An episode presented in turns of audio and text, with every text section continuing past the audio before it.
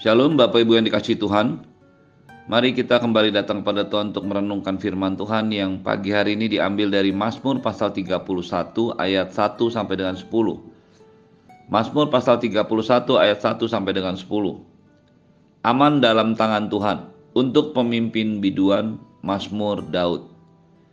Padamu Tuhan aku berlindung, janganlah sekali-kali aku mendapat malu. Luputkanlah aku oleh karena keadilanmu Sendengkanlah telingamu kepadaku, bersegeralah melepaskan aku. Jadilah bagiku gunung batu tempat perlindungan, kubu pertahanan untuk menyelamatkan aku. Sebab engkau bukit batuku dan pertahananku. Dan oleh karena namamu, engkau akan menuntun dan membimbing aku Bahkan engkau akan mengeluarkan aku dari jaring yang dipasang orang terhadap aku. Sebab engkaulah tempat perlindunganku. Ke dalam tanganmu lah ku serahkan nyawaku. Engkau membebaskan aku, ya Tuhan Allah yang setia. Engkau benci kepada orang-orang yang memuja berhala yang sia-sia. Tetapi aku percaya kepada Tuhan. Aku akan bersorak-sorak dan bersuka cita karena kasih setiamu sebab engkau telah menilik sengsaraku, telah memperhatikan kesesakan jiwaku, dan tidak menyerahkan aku ke tangan musuh, tetapi menegakkan kakiku di tempat yang lapang. Kasihanilah aku ya Tuhan, sebab aku merasa sesak karena sakit hati. Mengidaplah mataku, meranalah jiwa dan tubuhku.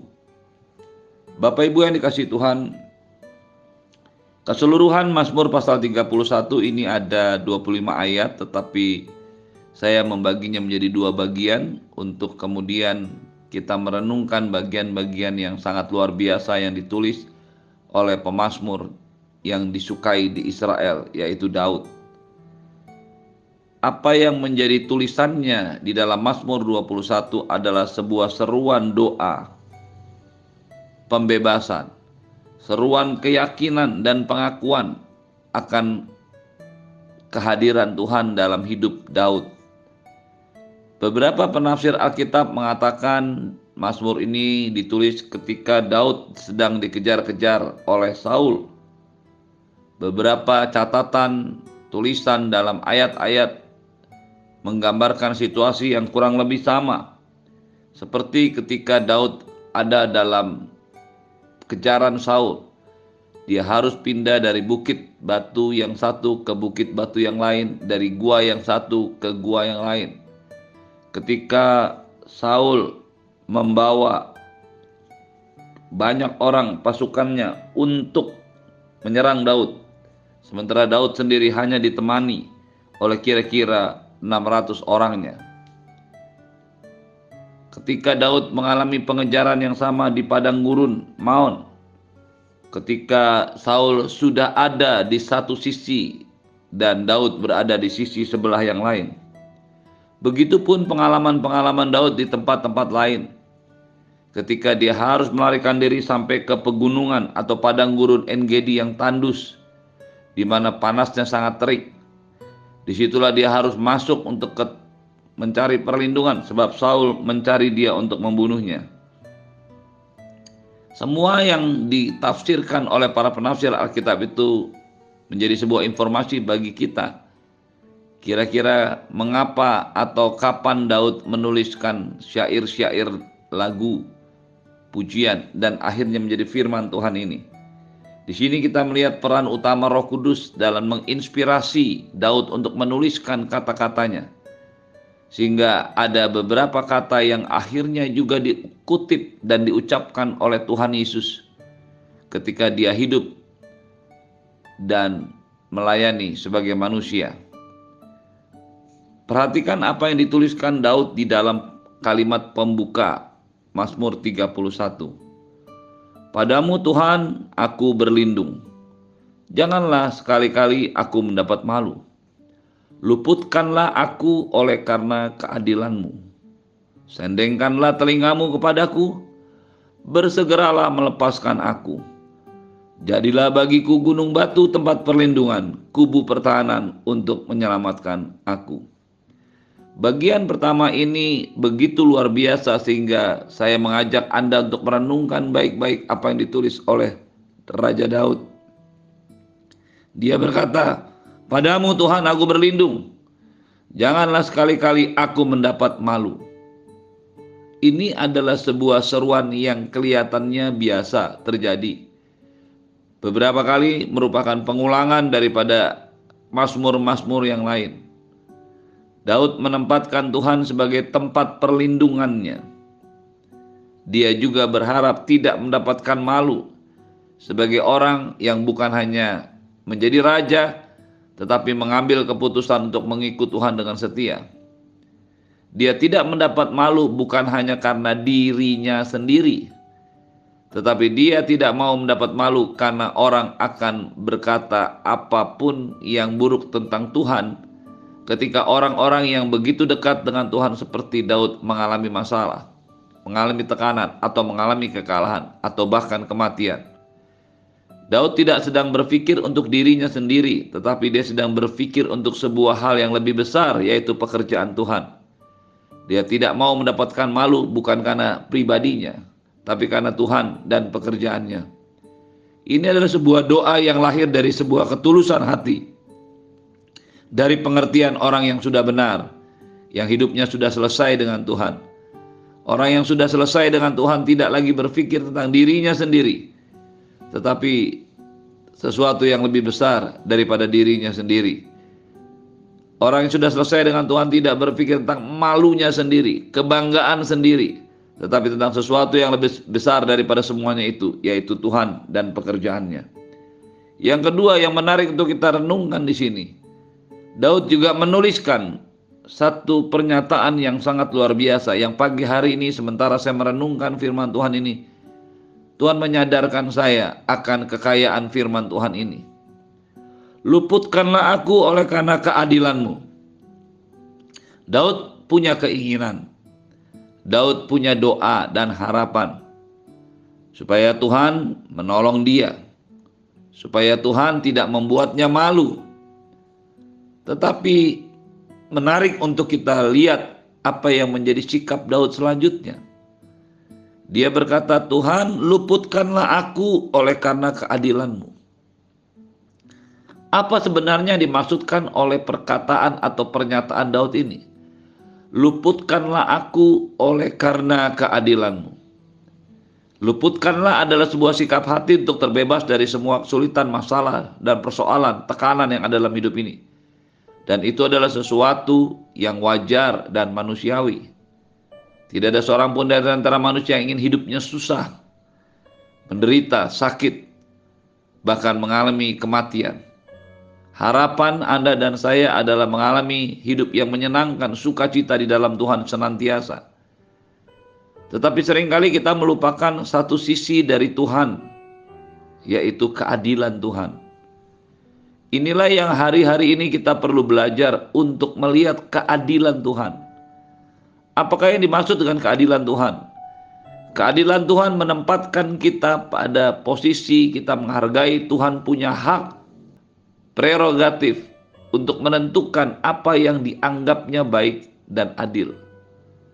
Ketika Daud berkata, "Luputkanlah aku karena keadilanmu." Sepertinya dia ingin berkata, "Tuhan, aku ingin bebas dari masa-masa yang sulit, tekanan, persoalan yang ada dalam hidupku. Luputkanlah aku, Tuhan." Tetapi semuanya itu haruslah terjadi sesuai dengan keadilan Tuhan. Pengertian keadilan Tuhan sering kali hanya kita mengerti pada saat kita sedang mengalami tekanan, masalah, kesulitan, kerugian, bahkan sakit. Kita meminta Tuhan menyatakan keadilannya ketika kita diperlakukan tidak adil.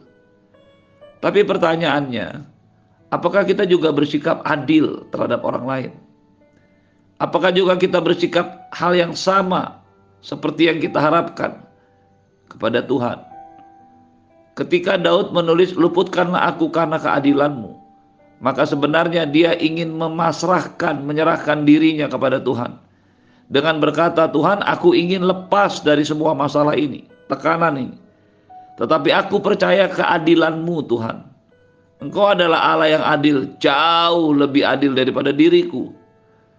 Ketika aku meminta Engkau meluputkan aku dari masalahku, itu adalah permintaanku. Tapi yang terjadi ketika Engkau meluputkan aku, itu anak itu hanya karena keadilanmu. Ketika keadilanmu memutuskan untuk tidak menolong, tidak melepaskan, maka aku percaya keadilanmu itu adalah yang terbaik. Ini adalah sebuah sikap hati yang sangat luar biasa. Kita tidak hanya minta Tuhan melepaskan kita dari semua tekanan, masalah, kesulitan, tapi kita berani berkata, "Kalaupun aku tidak dilepaskan, maka itu adalah keadilanmu, dan keadilanmu adalah sempurna." Inilah juga yang terjadi ketika Ratu Esther ditemui oleh Mordekai yang memintanya untuk menghadap Raja Asahveros walaupun dia belum waktunya dipanggil raja. Resikonya adalah sebuah kematian. Mordekai dengan tegas mengingatkan Ratu Esther, kalau engkau tidak mau, pasti akan ada keselamatan yang dilakukan Allah melalui cara lain. Tetapi jika engkau mau, mungkin ini bagimu menjadi kesempatan. Dan Ratu Esther pun menyuruh setiap orang Israel, termasuk binatang, untuk berpuasa selama tiga hari dan tiga malam. Dan dia menghadap raja dengan satu sikap hati. Kalaupun Tuhan tidak membuat raja menerima dia, dan itu akibatnya adalah sebuah kematian. Esther sudah siap dan dia tahu itu adalah keadilan Tuhan.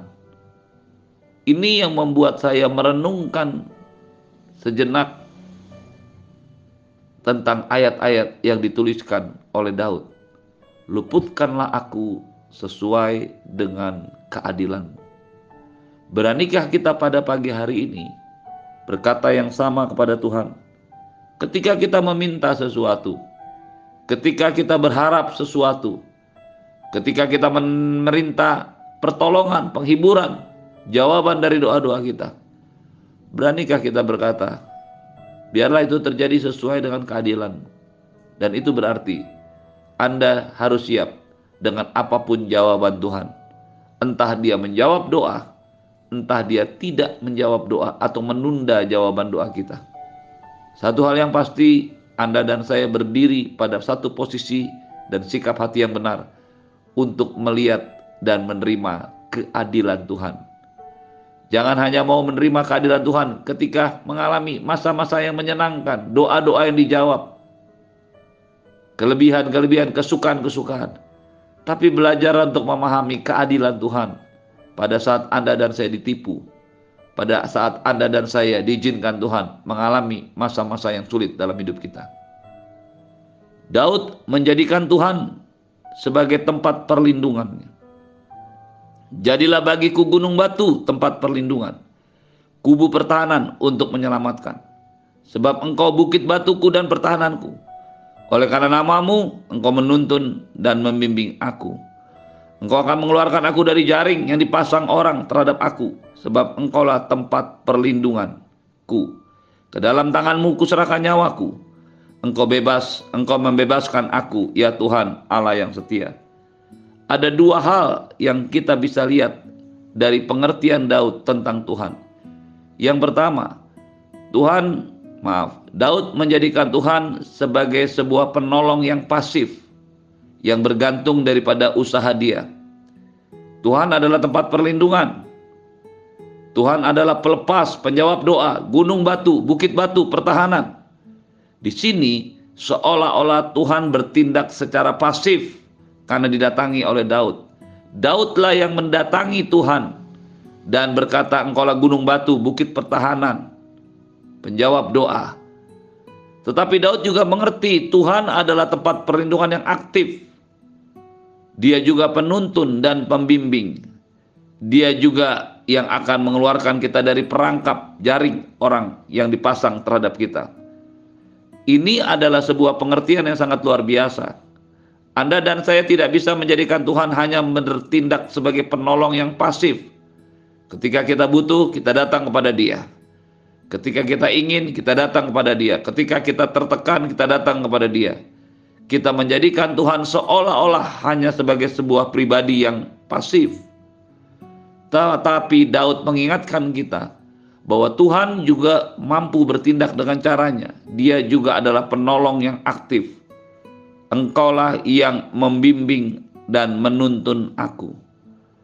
Tuhan tidak bisa dibiarkan diam dan kita datang kepadanya untuk meminta pertolongan, perbaikan keadaan atau pemulihan.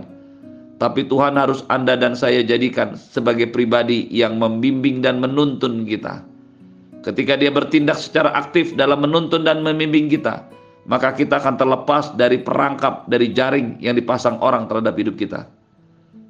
Terimalah berkat yang berlimpah dari Bapa di surga cinta kasih dari Tuhan Yesus penyertaan yang sempurna dari Roh Kudus yang menyertai hidupmu hari ini dan sampai selama-lamanya di dalam nama Tuhan Yesus semua yang percaya katakan amin. Shalom, selamat pagi, selamat beraktivitas. Tuhan Yesus memberkati.